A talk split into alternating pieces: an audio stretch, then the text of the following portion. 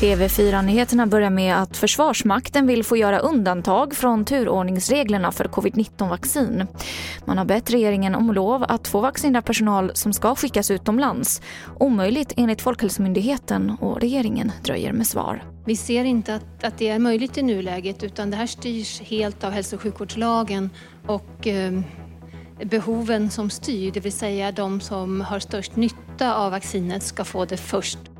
Det sa Karin Tegmark Wisell som är enhetschef på Folkhälsomyndigheten.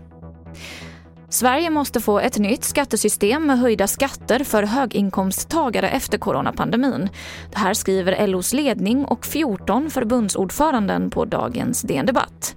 Fackförbunden vill slopa flera avdrag som exempelvis RUT och ROT och införa en ny rättviseskatt på inkomster över en miljon kronor om året. LO vill även återinföra arvs och gåvoskatt på förmögenheter över 400 000 kronor.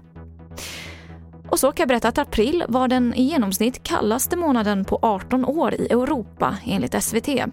Men globalt sett så var det trots allt varmare än normalt, 0,2 grader över genomsnittet.